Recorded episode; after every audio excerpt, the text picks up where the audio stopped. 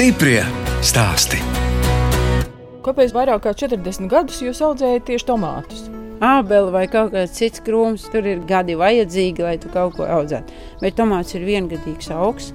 Tu redzi rezultātu gadu laikā. Un tev atkal ir jauna sezona, un tad atkal var sākt no jauna. Padomju laikos sapratu, ka, ja tu neslinkosi, tad tu kaut ko nebūtu varēsi panākt un atvēlēties tas kaut ko. vārds neslinko. Tas ir no Sibīrijas, tas ir no vecākiem, no vecvecākiem. Jo pamatā jau tas, kas dod cilvēkam iespēju dzīvot uz šīs zemes, ir darbs. Un darbs ir tā svētākā lieta, kuru vajadzētu cienīt par visu, visu vairāk. Tā stāsta Aldis un Elga Bražūni no dārzniecības Neslinko.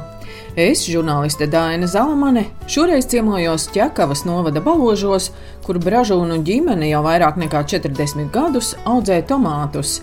Saimnieks Aldis Bražūns dzimis Bauskas apriņķa misā un stāsta, ka strādīga un čakla bijusi visa viņa dzimta. Tēvs misā iestādījis lielu ķiršu dārzu, bet 1949. gada 25. martā Aldi, viņa brāļus un vecākus izsūtīja uz Sibīriju, kur ģimene pavadīja astoņus gadus. 11 gadi tad man bija. Viens brālis bija pa pusotra gada vecāks, otrs drusku jaunāks. Tad, kad mūs aizved uz vagonu, otrā dienā staigāja pa vagoniem ar sarakstiem, saskaņoja, pētīja, ko tad no viņiem ir izdevies savākt. Nu, visus tur nosauc no tā vagona. Tā saka, kā tā mēs, mēs sarakstos nesam, bet izvedēja saka, jābrauc būs tā kā tā. Līdz tam laikam, kamēr nesadīga nātras, balandas, bija grūta dzīvošana, brīžiem nebija ko ēst, bet nu izdzīvojām, un tad, kad jau zaļumi bija izauguši, tad jau bija no kā pārtikt. Atdeva mums tādu māju pusabrukušu, tēvs tur ar bērzu stabiņiem. Sastutēja griestus, un mums tāda māja, tā bija kolonnām skaistām un uztaisīja lāvas, mēs tur dzīvojām, un galvenais mums bija savs zemes pleķis pie mājas un savs dārzeņš, un līdz rudenim jau izaudzēja cūci no Latvijas rādīja atsūtīja naudiņu, lai var nopirkt gotiņu, Un tā kā bija gotiņa un bija zaļumi, un ezerā varēja sasējot kādu zivtiņu, tad jau bija no kā pārtikt, un dzīvošana bija laba. Te dārzā jau darbi visi bija jāveic mums, jo māte bija slima tuberkuloze. Tēvs jau no agrīt līdz vēlam vakaram strādāja kolhozos. To, ko sev vajadzēja izdarīt, nopļaut priekš gotiņas sienu vai malku sagādāt, tas viss bija jādara pa nakti. Tēvs trijos nakti cēlās augšā līdz tām brīdim, kā bija jāiet uz darbu kolhozā, bija nopļāvis lielu gabalu pļavas, un mēs tā ap 10, 11 gājām ārdīt, sienu žāvēt. Tā mēs vienmēr esam kaut ko mēģinājuši darīt un pārtikt, un tāpatās es, kad strādāju Rīgas lidostā Spilvē par aviācijas tehniķu un Tur jau brīvas zemītes bija, kur bija jau cilvēki agrāk dārzus izveidojuši. Arī man tur bija savs dārziņš, man bija ģimene arī izveidojusies, bet tā ģimene sevišķi nepiekrita, lai pa to dārzu ņemtos zemi strādājot, lai kaut kas iznāk, jāstrādāja nopietni, nevis pa jokam. Nevar tā, kad gribās uz koncertu iet, Dārzniecības neslinko vadītāja Elga Bražūne bērnību pavadīja Lielvārdē, skolas gadus ķegumā. Viņas vecākiem lauksaimniecība nešķita perspektīva nozare. Tēvs bija agronoms, bet mammas iespējā viņš piekrita, ka no kolekcijas jāiet projām. Viņš strādāja Latvijas-Plēsī, bet mamma teica, ne par ko, un tā viņa aizmuka uz ķegumu, kur īrēja dzīvokli un pēc tam strādāja Rīgā. Bet eh, tā lauka māja, kas bija vecmāmiņas māja, nu, viņa saglabājās līdz vidusskolas gadiem. Tur bija govs, tur bija vistas. Kā jau lauksaimniecībā, tur jau visi tie darbi tika darīti. Tika strādāts, siens vākts, govs ganītā un arī ravēts. Bet, nu, protams, ka skolniekiem jau tas nav saistoši. Man jau vecāki noskaņoja, ka Ar lauksaimniecību nē, pa zemēm rakņāties un govēju pie astes sēdēt, tā nav pareizā izvēle.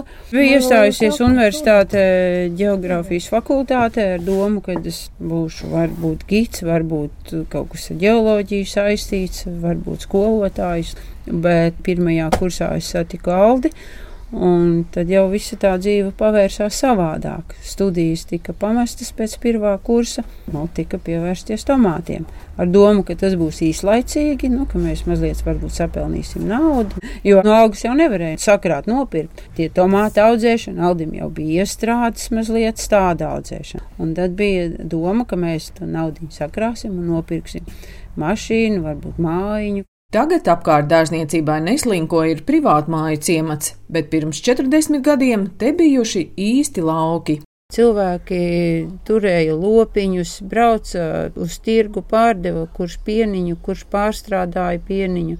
Mēs te varējām dabūt jebkurā mājā pienu priekš bērniem.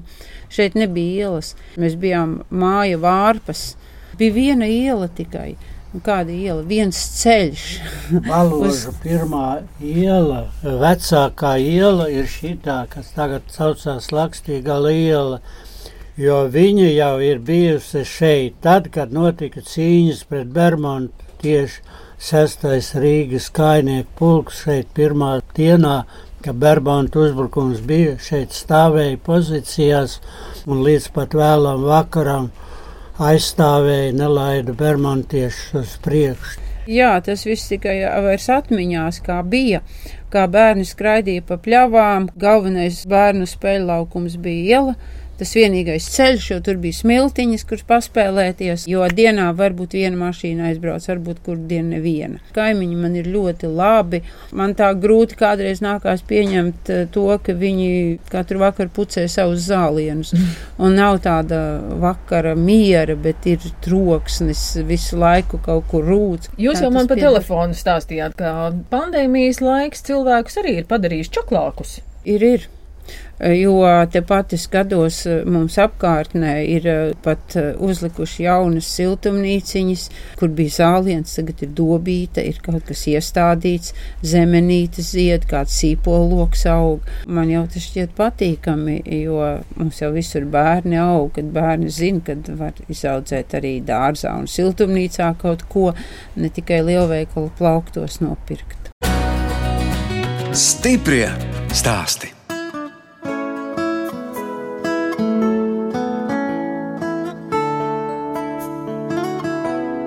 Jūs klausāties rādījuma stipri stāstī. Šoreiz ciemojos pie Elgas un Alda Bražūniem ķekavas novada baložos. Viņus dēvē par tomātu karaļiem, jo ģimene tomātus audzēja jau 42 gadus. Vienā siltumnīcā aug tomātu stādi, bet otrā - tomātu kolekcija. Dārzniecībā neslinko, var nopirkt arī tējas un garšaugus. Kolas krūms, no kura var gatavot kolas dzērienu, tad ir kārija augsts tur izops majorāns. Redzu, tur ir suņu skaistnātrīta. Jā, tāds interesants nosaukums. Bet smarža, nu gan viņai ir kā zooloģiskā dārza. Jā, posta. Jā. Viņai anotācijā rakstīts, ka Viņa atbaida suņus un kaķus. Ja iestāda teiksim, gar dobas malām, tad suņi un kaķi nebrien dobēs. Bet uh, ne mūsu kaķi, ne mūsu suņi īpaši viņu nerespektē. Varbūt iesim Jā. iekšā. Tie ir ķirbju rinda, ķirbju kādas 40 šķirnes, bet ar vienu jau jaunu šķirnes nāk klāt, ko vajag pamēģināt, kā aug, kā garšo. Pārsvarā vēlas ķirbi marinēšanai, nu, kaut kādus saldos pagatavot, pankūks, biezupas, nu, un tālāk jau mūsu tomāti. Cik jums šogad šķirnes? Ja mēs skatāmies kopumā kolekcijā, pa šiem gadiem ir izmēģināts jau pāri pa diviem tūkstošiem visādi šķirnes, bet kolekcijā tā īsti paturētas ir apmēram 400 šķirnes, bet stādes mēs katru gadu izaudzējam no apmēram 120 šķirnēm.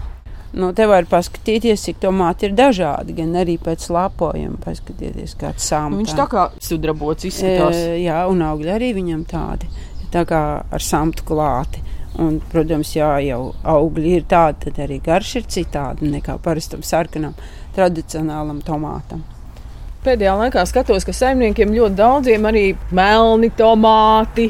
Jā, protams, mums arī ir melni tomāti, kāda bez tiem. Pēdējos gados, jā, šie melnie tomāti, protams, ir topā. Bet, protams, viņš nestādīs ne desmit, ne pat piecus. Viņš labākā gadījumā iestādīs divus vai trīs. Nu, nākošā stopā šogad mēs to ritīgi izjutām. Odziņu tomāti. Tie kokteļu tomāti vai, vai mazās Tādi pavisam maziņi, ja? Nu, jā, lai gan mums ir pavisam maziņi zirnīši tomāti, kas ir tādi kā zirņi, bet eh, ķiršveidīgie ķirštomātiņi un tādi valrieks lieluma tomātiņi, jā, tie ir īstie.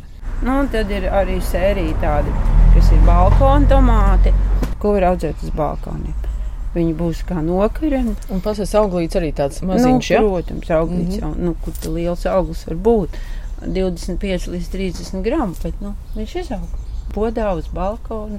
Tikpat skaisti kā puķi, vai ne? Kamēr zied, un droši vien, ka nogatavojas auglīši nu, arī skaisti. Arī skaisti, jā, te jau mēs sastādījām tādos lielos podos, kuri vairs nav jāpārstāda.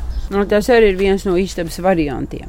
Mm. Pēc tam viņi tagad ir arī trijās krāsās ir sarkani, dzelteni un modernais variants - pustomāti, violeti, pustomāti, sarkani. Kad nosākosies, tad tā līnija puse būs apakšā daļa, būs eh, tāda karmīna sarkana, tumša mhm. sarkana. Mm -hmm. Elga Bražūne selekcionējusi trīs tomātu šķirnes. Viena no pirmajām, ko mēs izveidojām, bija radinieces meita.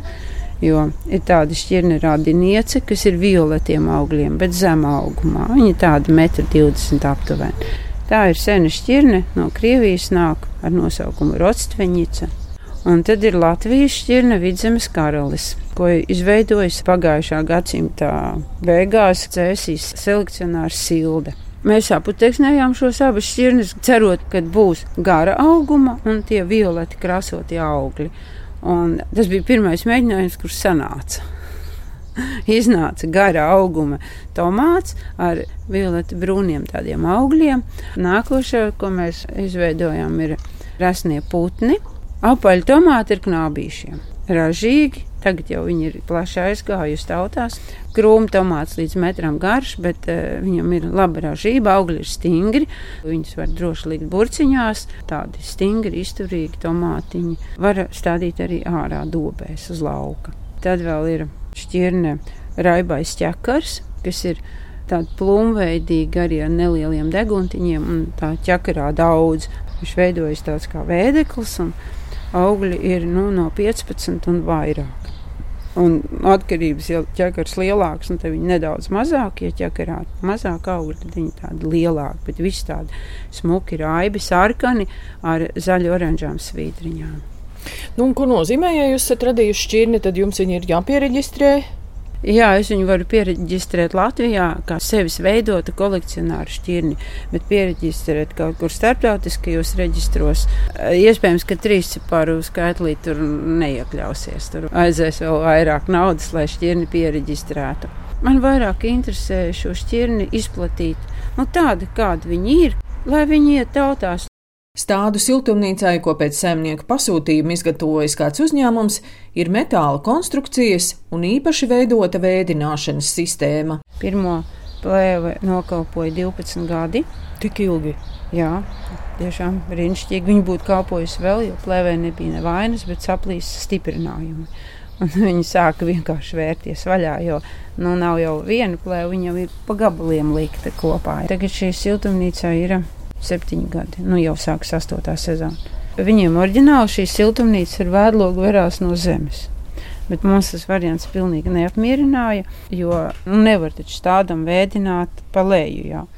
Kājām jābūt siltumā, jā? Kas jā, saka? jā, tieši tā. Kājas ir siltas, gan stādiem, gan pēc tam tomāti vai vienalga kāda auga šeit aug, bet laksti vēdinās. Pēc tam augšā ir vēdloks, viņi var atvērt dažādās pozīcijās. Plēve ir dubulta, jā. tur ir uh, gaisa sprauga 12 cm.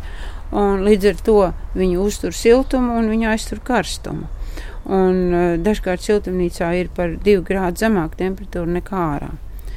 Un tas arī tas pozitīvais ir šīm dubultajām plēvēm. Aiziesim uz otru siltumnīcu, ar to ir drusku problēmas, to paši būvējām.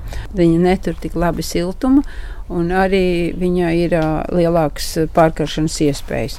Tomātiem ir ļoti svarīgi, lai nebūtu karsti, jo ziedputekšņi sterilizējas, neaputiksnējas, un tad mēs to augu tā kā audzējam, lolojam, kopjam, bet ražas mums nav. To nodara karstums, kas iznīcina ziedputekšņus vienkārši. Otrā siltumnīcā izveidota tomātu kolekcija ar 360 stādiem, un sezonā te novāc tonu tomātu. Te ir sastādīts sākot no 2 līdz 6 no vienas šķirnes. Teiksim, šī rinda visa ir jaunās šķirnes, kas man ir pirmo gadu. Es esmu dabūjis no citiem kolekcionāriem, pēc krāsām, pēc bildēm, kuras es gribu izmēģināt. Un tad jau nāk tādas, kurām vajag sēklas izaudzēt, kuras vajag šķirņu uzturēšanai ataudzēt, jo mūsu mērķis protams, izaudzēt stādus un pārdot, iegūt naudu, lai saimniecību uzturētu. Bet nākošais ir uzturēt šīs arī senās šķirnes, kuras daudz kur jau ir pazudušas. Mums ir apmēram 40 senās šķirnes, kas patiešām ir senās no padomi laikiem, ko vecmāmiņa audzēja. Pārsvarā jau krievu šķirnes, jo toreiz jau mums cits nenāca iekšā.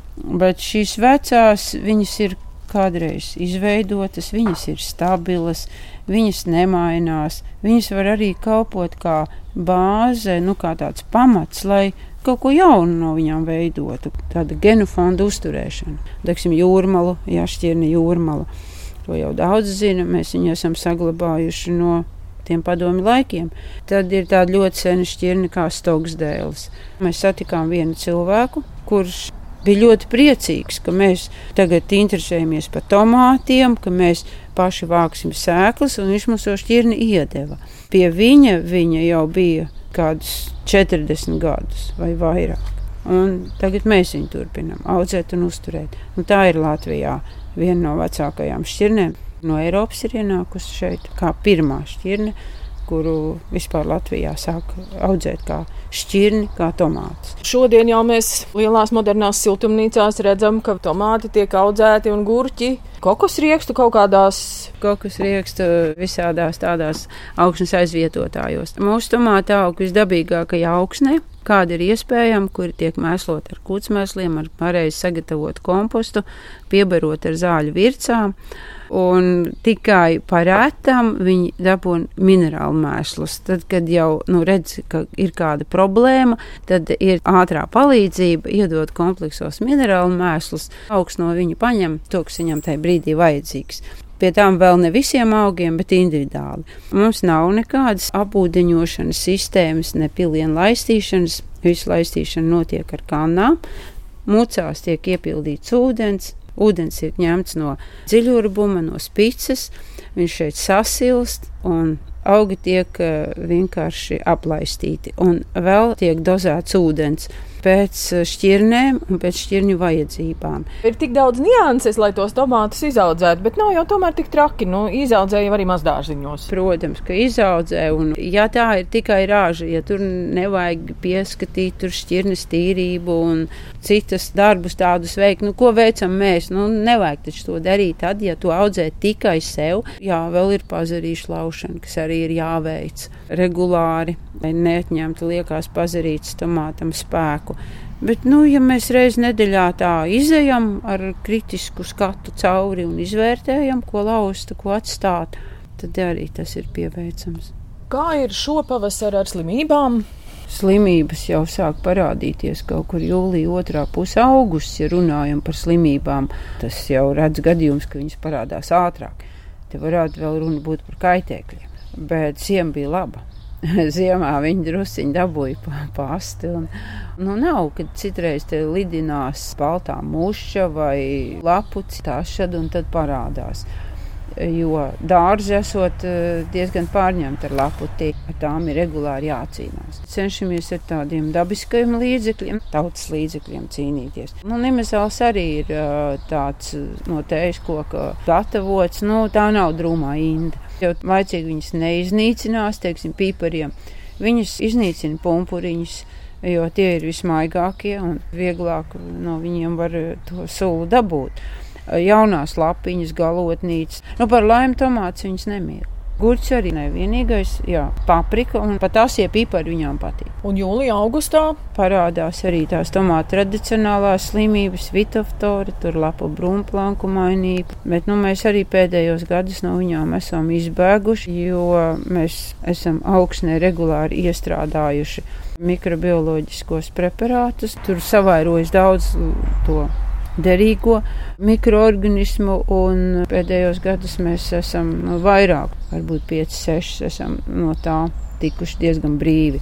Un, protams, šīs lapu bojājumi visi jau parādās, bet tas ir saistīts vairāk ar temperatūrām. Tad, kad uh, temperatūras naktīs ilgstoši ir zemas, zem 8 grādi krītās, un dienas ir lietainas un mitras, tad viņas parādās. Bet tas jau ir septembra otrā puse lai uzlabotu mikroklimatu un neļautu mikrosēnītēm attīstīties siltumnīcā, mēs zem tomātiem sējam labību. Tas ir eh, augusta vidū. Kā tomāta aug, pirmās lapas jau var nokriest, pirmiem ķekariem jau arī ražu var novākt. Un tad eh, starp tomātiem sasējam vai nu rūdzes, vai nu auzas, kādu labību. Sadīgs zelmenis, viņš aizsargā. Tādēļ tai mikrosēnītei nav kur attīstīties uz zemes, tad, tad ir jau uzreiz veselīgāks klimats tomātiem. Stiprie stāsti!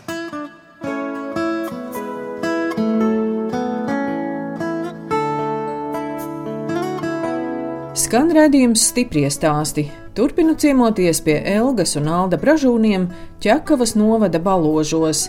Dārzniecība neslinko ir ģimenes uzņēmums. Saimniekiem ir četri bērni - Saiva, Alda, Gaits un Jānis, un daļa no viņiem arī piedalās dārziņu audzēšanā. Bet galvenais Elgas atbalsts ir vīrs Aldis. Mēs tā vienā virzienā ejam. Mēs kā satikāmies ar vīru. Tam viens mērķis, viens otru vienmēr papildina. Un, nu, tas arī svarīgi. Vienmēr jūti to atbalstu. Ja tā ir siltumnīcas būvēšana vai pārbūvēšana, tad mēs abi piesaistamies, ja tā ir audzēšana, tur zemes apstrāde. Tas tā kopā, jo viens var kļūdīties. Bet tagad jau mūsu meita arī visā tajā piesaistās. Meita ar uh, savu ģimeni, mūsu mazbērniem, Zani un Tomasu. Da, meitai ir sava specializācija. Uh, jā, viņa beigusi Bulgāru dārzkopības tehnikumu, gan ne dārzkopības nodaļu, bet floristikas nodaļu, bet izrādās, ka tur jau arī māca dārzkopības pamatus. Un viņa tagad ir paņēmusi savā ziņā ķirbju audzēšanu un uh, aso piparu kolekciju izveidojusi. Jaunākais dēls ar savu sievu piesaistās šajā darbā sezonas laikā. Viņu nodarbe ir saistīta saistīta ar gurķu un ķirbju stādu audzēšanu. Mēs to nedaram, nav laika. Tas ir viņu niša - stādus izaudzēt gurķiem un ķirbiem. Un, protams, visi kopā mēs veicam zemes darbus, augsnes sagatavošanu, tāpat eh, kādus remontiņus. Krāsnes gan mūs remontē tikai Aldis kurināšana, tas ir tikai viņam, mēs tur neko nezinām, varbūt zinām, bet viņš domā, ka nezinām. Nu, viss šis darbs, ko mēs darām, tas ir tāds, nu, darbs un vaļasprieks. Dažkārt to nesaprot, kā man tas var būt vaļasprieks. Bet tas ir tā ļoti interesanti ņemt jaunas šķirnes, nezināmas. Tas daļai jau tā kā pētniecības darbs, nu, saprast to šķirni, kā es saku. Man dzīvē lemts ar augiem sarunāties, bez vārdiem saprasties, ar acu skatu vienu, prast novērtēt, ko augstu pateikt spēju. Kādi labi audzināti suņi paklausīgi. Jā, suņi, jā, viņi mākslinieki staigāt pa takām. Viņi no mazotnes šeit ir auguši. Un, un visu to jau ir apguvuši. Klausa, redz, kā jūs, jūs teicāt, nedrīkst riet, un tiešām nereja. Kad es runāju, tad suņi nerunā. viņi arī saprot, ka, ja ielaiž iekšā, tā tad draudzība. Tad, Daudz. kad nāk cilvēki, tad viņi dzīvo šajā teritorijā, viņi tur neiet. Un viņi ļoti labi zina, kad pēc darba laiks un aizver vārtus, tad, jā, tad viņiem viss teritorija ir brīva. Bet tagad viņiem ir jāuzturās tikai šeit. Jūs jau gan man teicāt, ka tie tomāti jums ir vienlaikus gan darbs, gan vaļas prieks, bet varbūt ir vēl kaut kādas lietas, ko patīk brīvajā laikā darīt. Jā, būtu vairāk tas brīvais laiks, tad jau daudz ko patiktu darīt, bet nu, viņi ir ļoti mazi Nu, mēs izbraucam uh, gandrīz katru dienu kādu riņķi ar riteni kopā ar suņiem. Protams, tā ir ļoti, ļoti laba atpūta. Mums ir skaists baložu mežs ar takām, kur var aizbraukt, nu, tiešām ieelpot tādu dzidru priežu gaisu un izskriet līkumu. Es ar riteni, suņi ar kājām, kad nebija šie aizliegumi. Mēs aizbraucām šur tur ekskursijās. Vācijā esam bijuši pieredzes apmaiņas ekskursijās, tādās vērtīgās pie vācu zemniekiem. Esam vienkārši tādās izklaides ekskursijās bijuši gan Norvēģijā, gan Horvātijā. Ir skaisti paskatīties, kas notiek citur pasaulē. Pa Latviju izbraucam. Mums tā pārsvarā sanāca izbraukuma pa ziemu jo mums bija tāda lekcija cikli, kur mēs lasījām lekcijas par tomātu audzēšanu novados, kas gribēja. Bet pēdējā gadā tādas nebija. Kādas tomātu izstādes vēl, kurās piedalāties? Jā, jā, jā. tomātu izstādes, tad ir um, tomātu svētki Brenguļos, tagad jau trīs gadi notikuši, cerams, arī šogad notiks, tur noteikti jāpiedalās. Kādi gada tirgi, kas sadomājam aizbraucam kādu riņķi jau izmetam tepat pa Latviju. Kādi vēl jums sapņi? Protams, tas saistās ar visiem šiem augiem. Varbūt Latvijai netika tradicionāli kā arbūzi, ko var izaudzēt. Tad ir melonītes, meloņu gurķi, melotrī, kur, lai saprastu, kāda viņi īsti ir. Blakus ir, ir burciņa, jā, ar burciņa. marinētiem? Jā, marinētiem melotrīs auglīšiem. Tādi maziņi, maziņi. Jā, mazi 3 centimetrīgi gurķīši. Tagad ir ogu dārdzis vai līča tomāts pēdējos gados, tāds, ko mēs arī piedāvājam citiem izmēģināt, paudzēt ar savu tādu īpatnēju, gan izskatu, gan garšu īpatnēju. Te zimbālo melone, meloņu bumbiju arī to esam jau pieredzinājuši. Latvijā var ražu iegūt no viņa, apmēram puskilograms smags. Nu, vēl ir tādi daži augi, kurus vienkārši intereses pēc gribas pamēģināt, vai viņi pieņem Latvijas klimatu. Interesanti jau tos pašus tomātus ir izmēģināt, jo izrādās pasaulē ir tūkstošiem šķirņu un ir tāda milzīga dažādība un vienkārši katru gadu pamēģinot kādas 40 vai pat 60 jaunas šķirnes starp viņām atrodas tik daudz interesantu, neparastu, pēc krāsām tagad nāk iekšā milzīga dažādība. Ir tāds garganels, kas aug melns, un tikai tā, ka viņš nogatavojās, tad viņam viens sāns nosārtojās, otra pusīte paliek mela. Īpatnēju savdabīgu garšu, bet garšīgs ir Latvijā kļūst iecienīts, un tā mēs tos tomātus visu laiku meklējot jaunus, izmēģinot. Esam vairāk par 40 gadu ar Elgu kopā nostrādājuši. Lasīju, ka jūs pat dēvējat par tomātu karaļiem. Jā, mūs jau visādāk ir dēvējuši, nodēvēja mūs pa kaut kādiem grāfiem, un tas jau viss tā ir par jokam, un tas tā kā atzinība visam mūsu lielajam darbam, bet, kad tā padomā, aizritējuši vairāk kā 40 gadi kopā ar Elgu strādājot, dienu dienā gādājot, lai ģimene augtu, pilnveidotos, pavairotos un lai viss varētu labi dzīvot. Nu, tā Aldi visiem teiksim raidījuma noslēgumā, lai neslinko. Neslinkojam kopā. Jā, neslinkojam mm, kopā. neslinko darbojas, veido savu dzīvi un būs labi.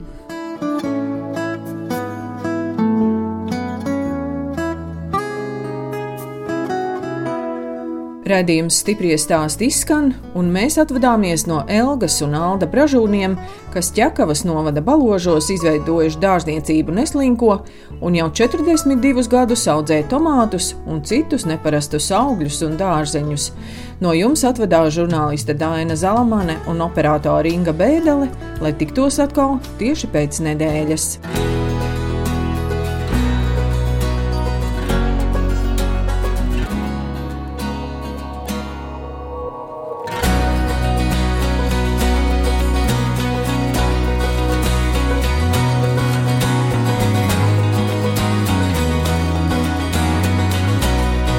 Stiprie stāsti.